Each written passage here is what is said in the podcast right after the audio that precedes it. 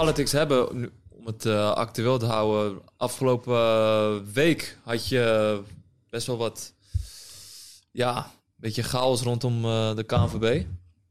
Ehm, Ja, ik had kritiek. ja, om een beetje eh, ja, de story te vertellen. Eh, er is een social media boycott afgelopen weekend geweest van de Engelse Voetbalbond. Om eigenlijk eh, een statement te maken richting racistische en discriminerende opmerkingen online naar voetballers toe.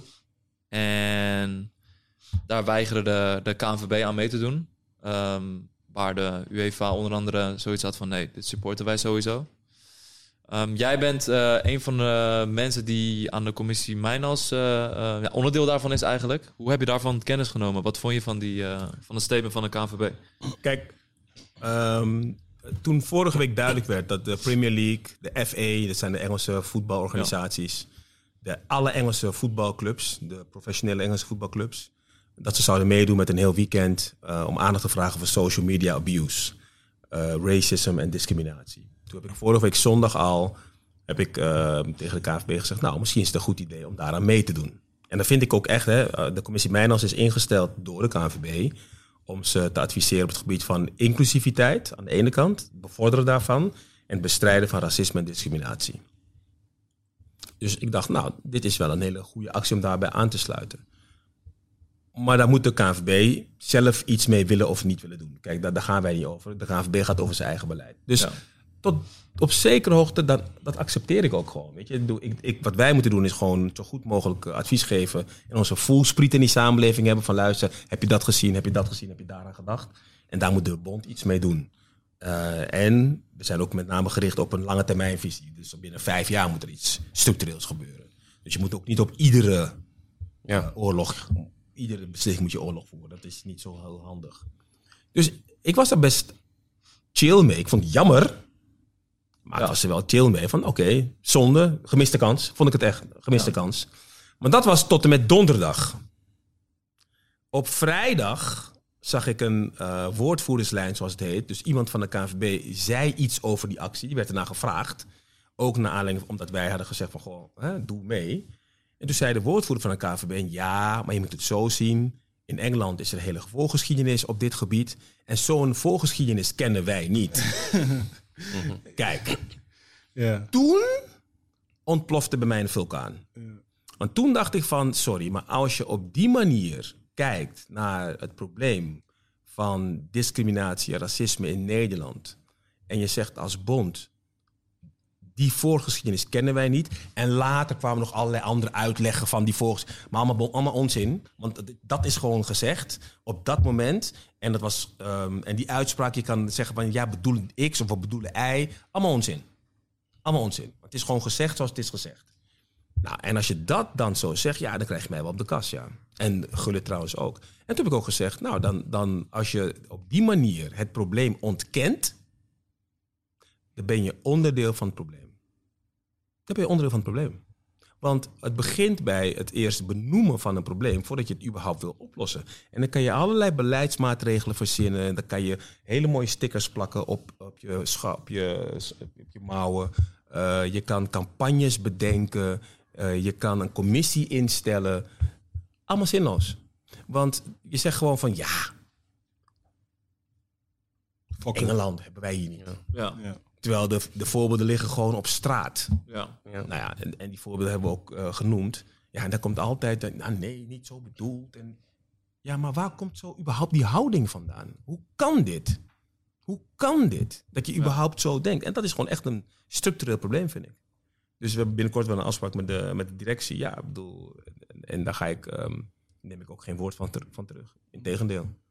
Ik ben eerder benieuwd van hoe, waar komt het vandaan? Hoe komt het dat dit überhaupt ehm, naar buiten komt zo? In de woordvoerderslijn. Hoe, hoe, hoe?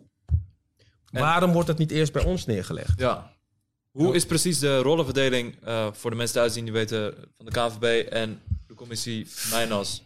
Kijk, de KNVB is de grootste sportbond van Nederland. Met Ja. meer dan een miljoen leden. En anderhalf jaar geleden was er een racistisch incident, voor geschiedenis. Een racistisch incident bij Den Bosch Excelsior eh, met Mendes Morera, een speler van Excelsior. Daar was heel veel verontwaardiging over. En terecht. Dus omdat er zoveel verontwaardiging was, omdat hij racistisch is bejegend in het stadion en hij daar echt huilend van het veld afliep. En de trainer van Den Bosch toen ook nog eens eroverheen ging.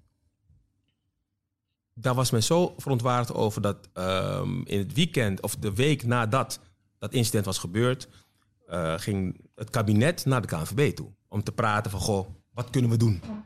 Nou, uit dat gesprek is er een aanvalsplan racisme gekomen.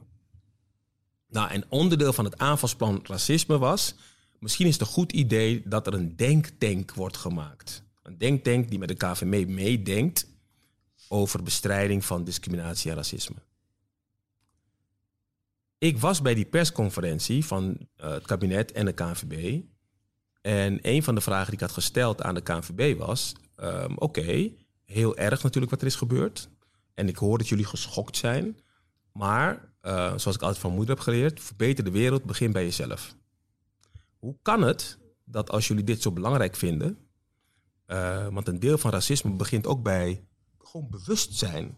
Hoe kan het dat als jullie het zo belangrijk vinden, dat als je kijkt naar alle coaches en trainers bij de KNVB zelf, van de 16 teams, er niet één zwarte coach is. Niet één. 0,00 procent. Als je kijkt naar de spelers, is het soms wel 50 procent. Hoe kan dat? Nou, daarvan zei uh, de KNVB, ja, dat is pijnlijk. Dat is inderdaad pijnlijk. Ik zeg, ja, daar moet je er wat aan doen. Want um, die onzin van ze zijn er niet en zo, ja, daar kan je niet meer mee aankomen. Nou, mede op basis van die vraag heeft de KNVB mij toen gevraagd: zou jij een denktank willen formeren? Zou jij willen nadenken over een denktank en daar voorzitter van willen worden? Toen heb ik ja gezegd. Toen heb ik um, de mensen bij elkaar uh, gezocht en gevraagd. Welke mensen? Commissie. Wie in de commissie zitten? Ruud Gullit. Zei meteen ja. Voetballer, Europees kampioen 1988. Daphne Koster, boegbeeld vrouwenvoetbal. Werkt bij Ajax. Zei meteen ja. Marian Olvers, hoogleraar sport en recht. Robert Geerlings, advocaat, zaakwaarnemer van verschillende spelers, onder andere van Raaf van der Vaart. Heel erg ook in sport. Uit de Bijl, maar ook net als ik. Goede vriend, met name oud-voorzitter van de Sportraad in Amsterdam. Um, Jeroen Visser van Turner, een consultantbedrijf die heel goed in staat is om wat je in ideeën hebt, om dat om te zetten in concrete plannen. Um, Jacinta Lewis, voorzitter van de amateurclub uh, en ook amateurvoetbal vertegenwoordigend. Um, uh, en Ahmed Marcouch, de burgemeester van Arnhem. Stevige commissie. Ja, mooie ik, combinatie. Ik, ik, heb ik heb alleen maar stevige mensen gevraagd. Die hebben allemaal ja gezegd. Nou, in principe konden we ook een bepaalde vergoeding daarvoor krijgen. Mm. Uh, want er was budget voor. Ik heb gezegd, nee, we doen dit gratis. Wat was het budget? Ik heb geen idee. Interesseert me niet. Want ik zeg, ik wil geen geld. Ja, ja, ja. Ik wil geen geld. Dit doe je niet voor geld. Dit doe je omdat je iets wil verbeteren. Plus, als je dit voor geld doet, moet je maar opletten als er iets misgaat. Ja, jullie zitten daar alleen maar voor je zakken of wat dan ook.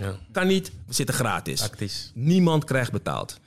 Um, nou, en we hebben ook gezegd, nou, wij zijn um, geen onderdeel van de KNVB, we adviseren de KNVB. Dus de KNVB is een mammoetanker, wij zijn speedboot eromheen. Mm -hmm. Dus wij, wij varen vooruit en soms zien we dingen en zeggen we, hé, hey, luister, misschien moet je daar naartoe, misschien moet je dat doen. Kijk daarin, maar wel vanuit een bepaalde visie. En de visie die wij hebben opgeschreven is een stip op de horizon. Waar wil je heen? Waar wil je heen varen met je KNVB-boot? Wij hebben gezegd, weet je waar je naartoe moet varen binnen nu en vijf jaar? jij of wij moeten proberen met de KNVB, moet je naar een plek varen waar je over vijf jaar op het gebied van het bevorderen van inclusiviteit en het bestrijden van discriminatie en racisme het voorbeeld bent in Europa van alle sportbonden. Punt. Heel simpel, maar ook heel ingewikkeld. Zoals je, zoals je ziet. Ja. Nou, dus daarom, omdat dat de stip op de horizon is van ons allemaal en als er dan zo'n actie is, dan moet je daar weer ja. Past dat bij wat je wil? Nee, ja, dat past. Ja. Kunnen we daar wat. Kost het je geld? Nee. Dus, dus daarom, dus daar kijken we naar. Dus dat is je stip op de horizon? Oké. Okay. Let's go. En hoe, nou. gaat, hoe gaat die ontwikkeling nu? Want. Nou ja, er zijn wel dingen gebeurd. Hè. Ik bedoel, er is een uh, diversiteitsbeleid is aangenomen. Uh, meer vrouwen, meer mensen met een, met een niet-westerse achtergrond moeten worden aangenomen. Um, zowel op kantoor, bij coaches betaald voetbal, dat heet nu UEFA Pro, zijn er dit jaar voor het eerst 50% 50% van de coaches zijn aangenomen hebben een niet-westerse achtergrond. Dat is nog niet eerder gebeurd. Ehm, er zijn openbare aanklagers aangenomen, speciaal ook op dit terrein bij de KNVB. Er is een diversiteitsmanager aangenomen die eh, dit moet coördineren. Eh, er is een heel plan is er, is er gemaakt. Dus er gebeurt echt wel veel achter de schermen. Ja. Ja, maar soms eh, moet je, ehm, heb je defining moments, zeg ik maar. Soms heb je een moment wat, je, wat bepaalt wie, wie je wil zijn. Ja. Als je daar dan niet thuis geeft, ja, dat is dan niet alleen teleurstellend, maar soms ook echt ehm, zwaar onder de maat. Maar heb je het gevoel, heb je wel het gevoel dat de KNVB het echt wilt? Het serieus neemt vooral, Ja, het- commissiemanagers. Ehm, op, op basis van deze actie denk ik het niet, nee. Ja. dat snap ik. Ja. Nee, ik bedoel, ja, bedoel, kijk, ik, ik- tegelijkertijd zeg ik ook al dingen die wel gebeurd zijn. Hè? Ja. Ja, ja, ja. Maar als ik heel eerlijk ben, als ik dit zie, denk ik van, nee, hoe kan je dit, anders komt dit niet uit je mond. Hoe komt Ja. dit uit je mond überhaupt? Want is Die eerder... voorgeschiedenis kennen wij niet. Ja, want- En ook nog daarna van, ja nee, maar we bedoelen dit. hey guy, soms moet je gewoon zeggen, sorry, Ja. stomme zin. Ja. In plaats van allerlei betekenissen proberen te geven aan gewoon echt stupiditeit. Ja. Gewoon erkennen. Gewoon zeggen, ja, het is een hele stomme zin. Die voorgeschiedenis kennen wij niet. Want die voorgeschiedenis is heel lang. Ja. En heel duidelijk. Voor heel veel mensen. Sterker nog, de dag voordat ze dat zeiden... ehm, zat ik in een uitzending van Danny Goosen over racisme in voetbal. En dan was er een meisje van 15, een, een, een zwart meisje. En ze zei... ehm, Uit welke stad? Utrecht, denk ik. Weet, weet ik niet. Weet ik niet uit welke stad ze kwam. Maar ze zei, weet je, ik, ik vind het soms zo erg dat ik ehm, soms het gevoel heb dat ik wit wil zijn. Oh ja, die heb ik gezien, ja. Heftig. En dan zegt jouw bond, zegt dus die volksgeschiedenis kennen wij niet. Gisteravond op de Belgische televisie eh, was een documentaire van de eerste van drie series met Lukaku over Belgisch eh, voetbal en racisme. Heel mooi gedaan. Lukaku, een van de grotere spelers in Europa op dit moment. Ja. Met interkampioen geworden. En hij vertelt zijn verhaal. Echt. Je krijgt er gewoon kippenvel van wat die jongen heeft meegemaakt. Weet je wat, wat heel veel mensen niet begrijpen? Met name die mensen zeggen van jij moet niet zo overdrijven. Kijk, het gaat om microagressie soms. Soms zijn het maar kleine... Jullie, jullie begrijpen wat ik zeg. Ja. Soms gaat het maar om kleine opmerkingen. Maar kijk, dit vind jij niet erg. Dit misschien ook niet. Maar op een gegeven moment, als je hele leven lang dit soort kleine tikjes krijgt. Ja. Weet je hoe irritant dit wordt? En nu zijn we nog geen 10 seconden bezig. Hè? En ik denk heb nu aan van brood. Maar snap je? Snap je? Dus Nee, maar- ja, ja, kijk, pakken? Maar dat zijn. En jij en degene die aan de buitenkant zien alleen dit. Ja. Ja. Ja. Maar wat hij voelt is al 30 jaar dit. Of al 10 jaar dit. Dit duurt nog geen twee minuten. Je wil me al vermoorden. Nee, maar snap je? pak zit straks, snap je? Dus... Nee, maar daar gaat Nee, het om. je hebt helemaal, je hebt echt goed uitgelegd. Daar Dit gaat is het over. Dit is het en daarom, Ja. ik, ben, ik maak me nooit zo druk om die mensen zeggen... Ah, je bent overdreven, reageer niet zo. Gast, jij hebt er nooit mee te maken. Waar heb je het over? Ja. Ja. Jij kan niet voor mij bepalen wat ik wel of niet voel. En jij weet niet hoe, eh, hoe irritant de duizendste keer dit is. Ja. Nu, iedere keer wanneer jij nu al mijn vingers ziet, Ja, denk je al van... Toch? Ja, ja, ja, Maar ja. dat is wat er gebeurt. Maar daarom vind ik het zo grappig dat er een, een hele grote groep is die vindt dat mensen die zich uitspreken over racisme, dat die juist aan het polariseren zijn. Ja, Ja. sinds ze dat woord hebben geleerd. Sinds dat woord, sinds ze dat woord hebben geleerd, is het trending topic. Nee, maar dat komt omdat je, eh, om het proberen te begrijpen, moet je dus eerst verplaatsen in. En als jij je niet kan verplaatsen in die hele kleine vinger iedere keer op mijn, op mijn op schouder die tikt, hoe irritant dat op een gegeven moment kan zijn, ja, ja dan, dan. Kijk, in België hebben ze een scheldwoord. Ik voel er weinig bij, maar in Nederland kennen we dat scheldwoord niet. Maar in België, eh, bij zwarte spelers, is dat een heel eh, veel gebruikt woord. Makaak, zeggen ze dan. Oh ja. Mm, ja. Jij makaak. Ja. Ja, kijk, wij zeggen hier, hier zeggen ze dan aap. Jij aap. Ja, weet je, de vijftigste keer aap of de, op social media de honderdste keer wanneer ze zeggen jij, maar je bent dom. Kijk, ook die, dat soort opmerkingen komen gewoon uit het verleden. Omdat mensen zo zijn geleerd, oh ja, zwarte mensen zijn dom. Ja. Dus dan, dan gaan we dat gebruiken. Zwarte spelers, ja, die zijn nooit zo slim. Ze zijn altijd sterk en snel.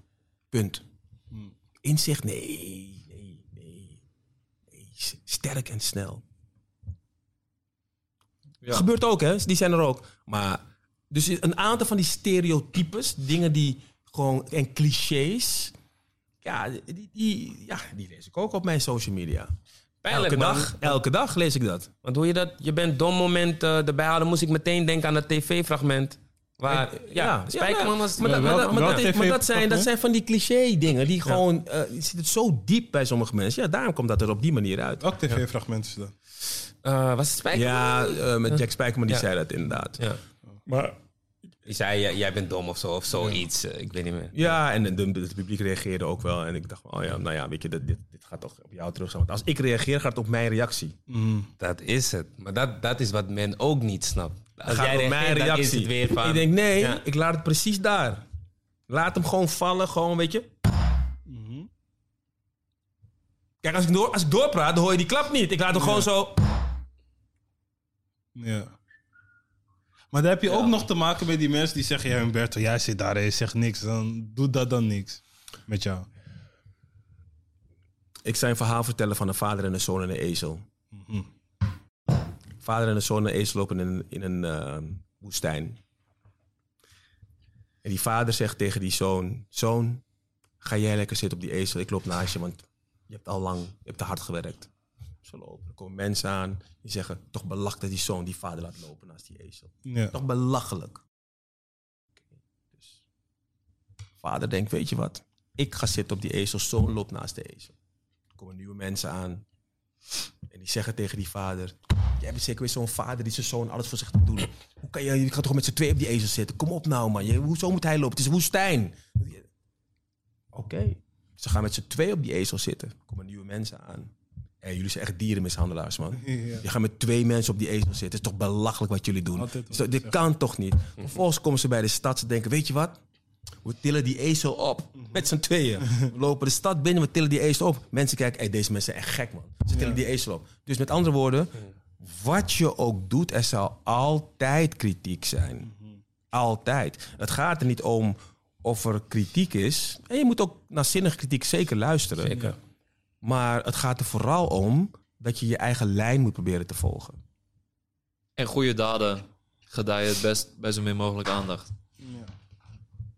Dus dat. Eh, bij Rondo ehm, hoorde ik Ruud Gullit erover. En hij zei van, nou ja, algemeen directeur Gudde was op zich wel oké ermee. Die wil wel, ja. Maar er zijn mensen daar eromheen die dat niet willen. Naar wie refereert hij?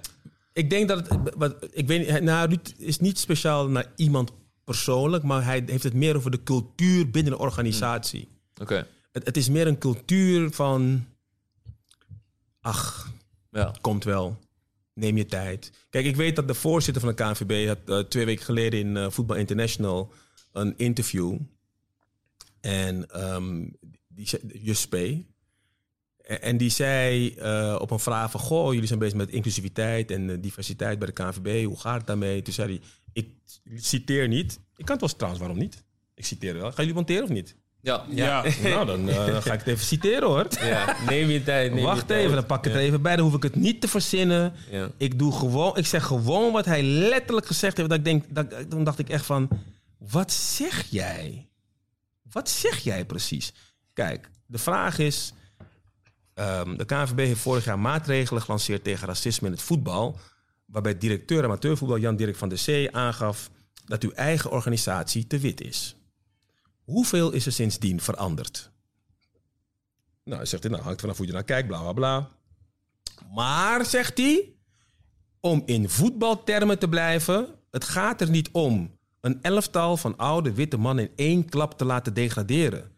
Het gaat erom een jonge generatie eh, goed te trainen, dat ze de concurrentie kunnen aangaan. Dat kost tijd. Met andere woorden, ja, we gaan het veranderen, maar als wij nu goede zwarte mensen willen hebben, ze zijn er niet. Ja, het is letterlijk Ze moeten trainen. zegt, ja. Ze moeten trainen. Dan moeten ze echt eerst trainen. Dus ik dacht, oh. Dus wacht even. Voor je raad van toezicht moet Ruud Gullit trainen? Ja. Of stel je voor dat voor een directeur betaald voetbal moet eh, Abu Taleb trainen? Stel je voor dat hij dat zou willen? Waar heb jij het over? Waar heb jij het over? Ja. En het zijn dit soort opmerkingen die gewoon dus heel kwalijk zijn. Omdat je eigenlijk zegt, ja, weet je, ja, wij zijn nou eenmaal heel goed. En die, die goede andere mensen zijn er gewoon niet. Ja. Wat een. Ik, ik wil jullie sowieso, commissie Mijners, echt bedanken voor jullie, voor jullie Absoluut. werk. Want het is echt, het is vermoeiend, het is Het slepend is, werk. het is heel veel. Het is Ik heb net- heel ik heb net veel. 10 minuten geluisterd en ik ben al moe voor dat jullie. bedoel ik, snap bro. je? Snap je? Voor jullie. En hoe lang jullie zijn? Anderhalf jaar nu? Ja, het is heel veel. Als je de mailtjes ziet, als je de appjes ziet, als je de gesprekken ziet, als je de afspraken ziet, als je gewoon informerende gesprekken ziet, als je corrigerende gesprekken ziet. Het is heel veel. En dan hoor je altijd van die makken. Ah, maar wat doen jullie nou? Zeg, misschien moet je eerst vragen wat we doen. Vraag het. Zoals jullie doen. Jullie vragen het. Vraag het. En als je het gevraagd hebt, dan kan je daarna beoordelen. Doen we het genoeg of doen we niet genoeg? Maar we doen echt, het, er gebeurt veel. Alleen je ziet ons soms naar buiten komen als het zo clasht. Maar dat heeft altijd een aanloop. Het is niet een clash om een clashen. Ja. Zoals dit ook met de, met, met de Premier League. Ja, het is al een week bezig. En dan nog chillen. Hoe komt het dat in Engeland dat, dat ze daar veel meer open voor staan? Sowieso als ik kijk naar het thema discriminatie, racisme, daar lijkt het alsof ze veel verder voorlopen als hier. Dat betreft. Ehm, ik, denk om, ik denk twee belangrijke redenen.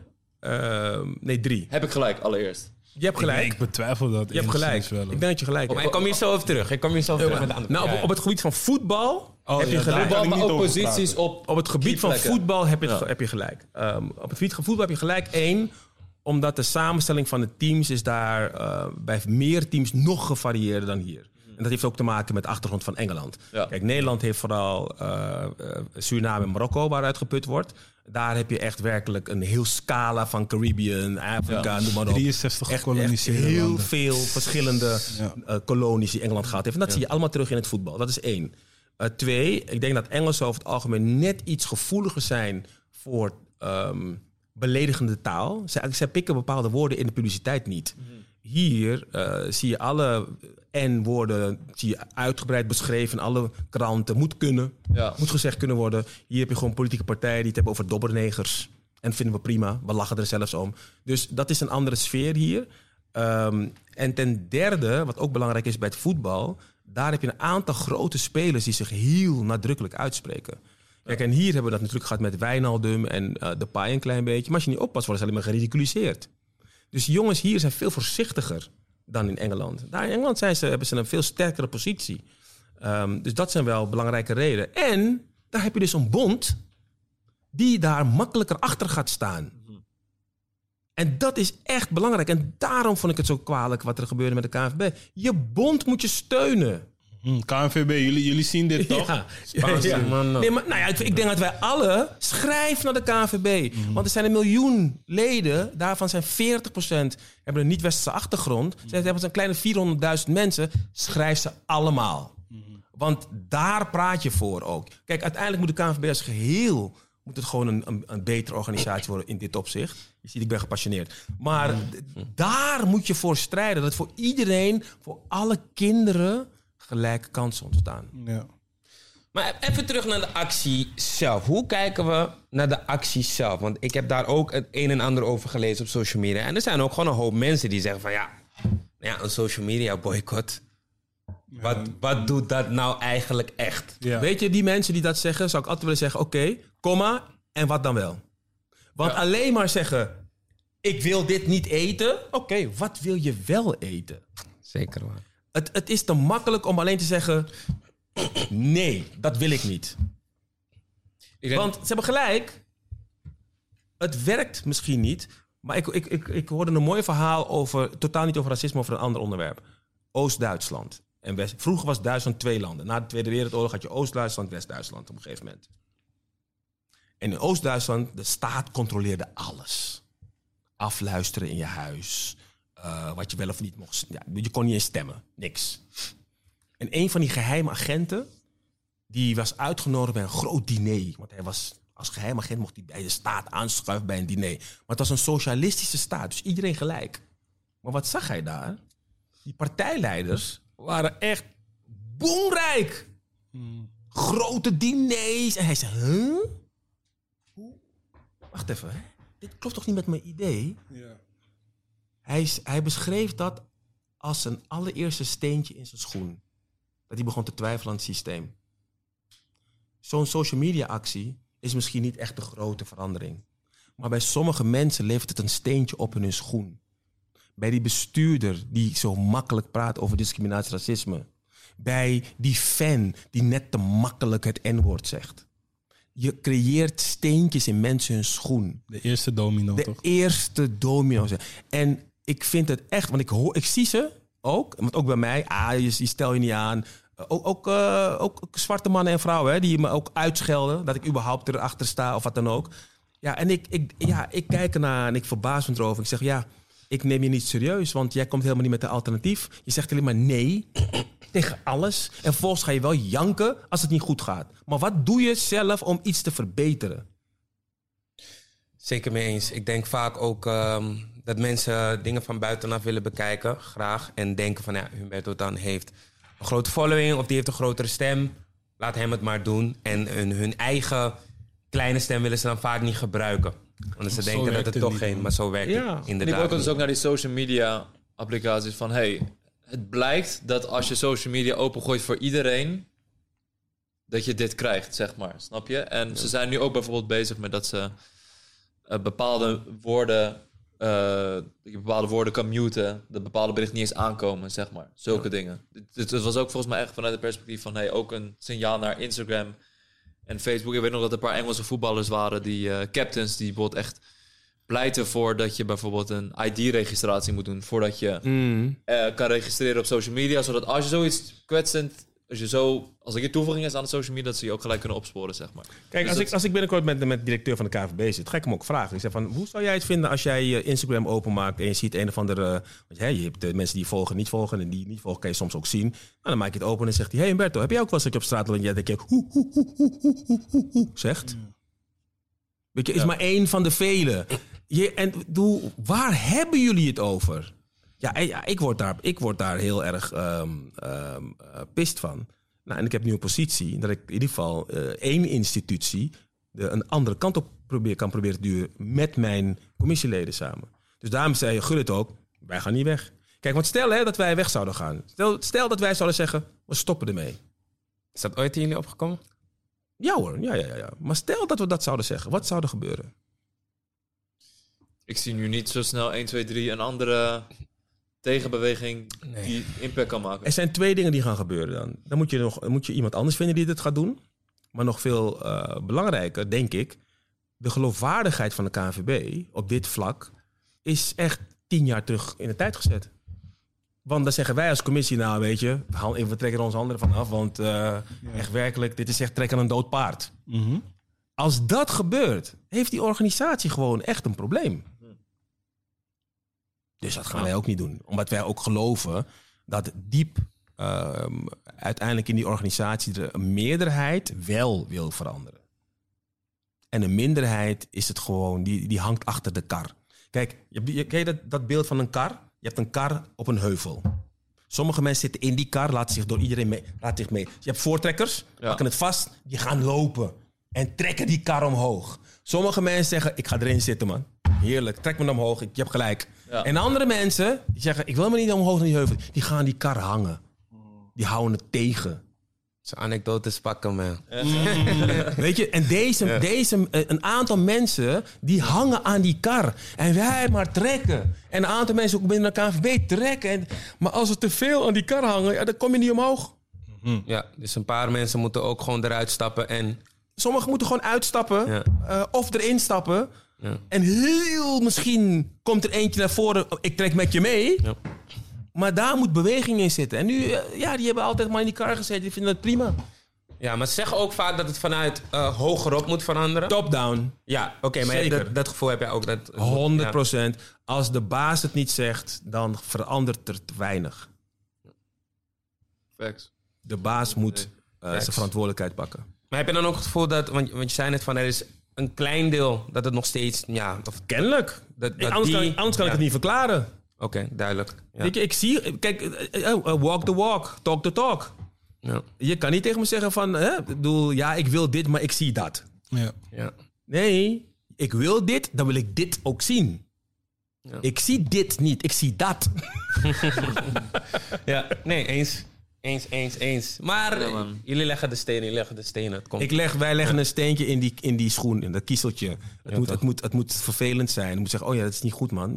Dit moet eruit. Dat steentje moet uit die schoen. ja. Ja, man.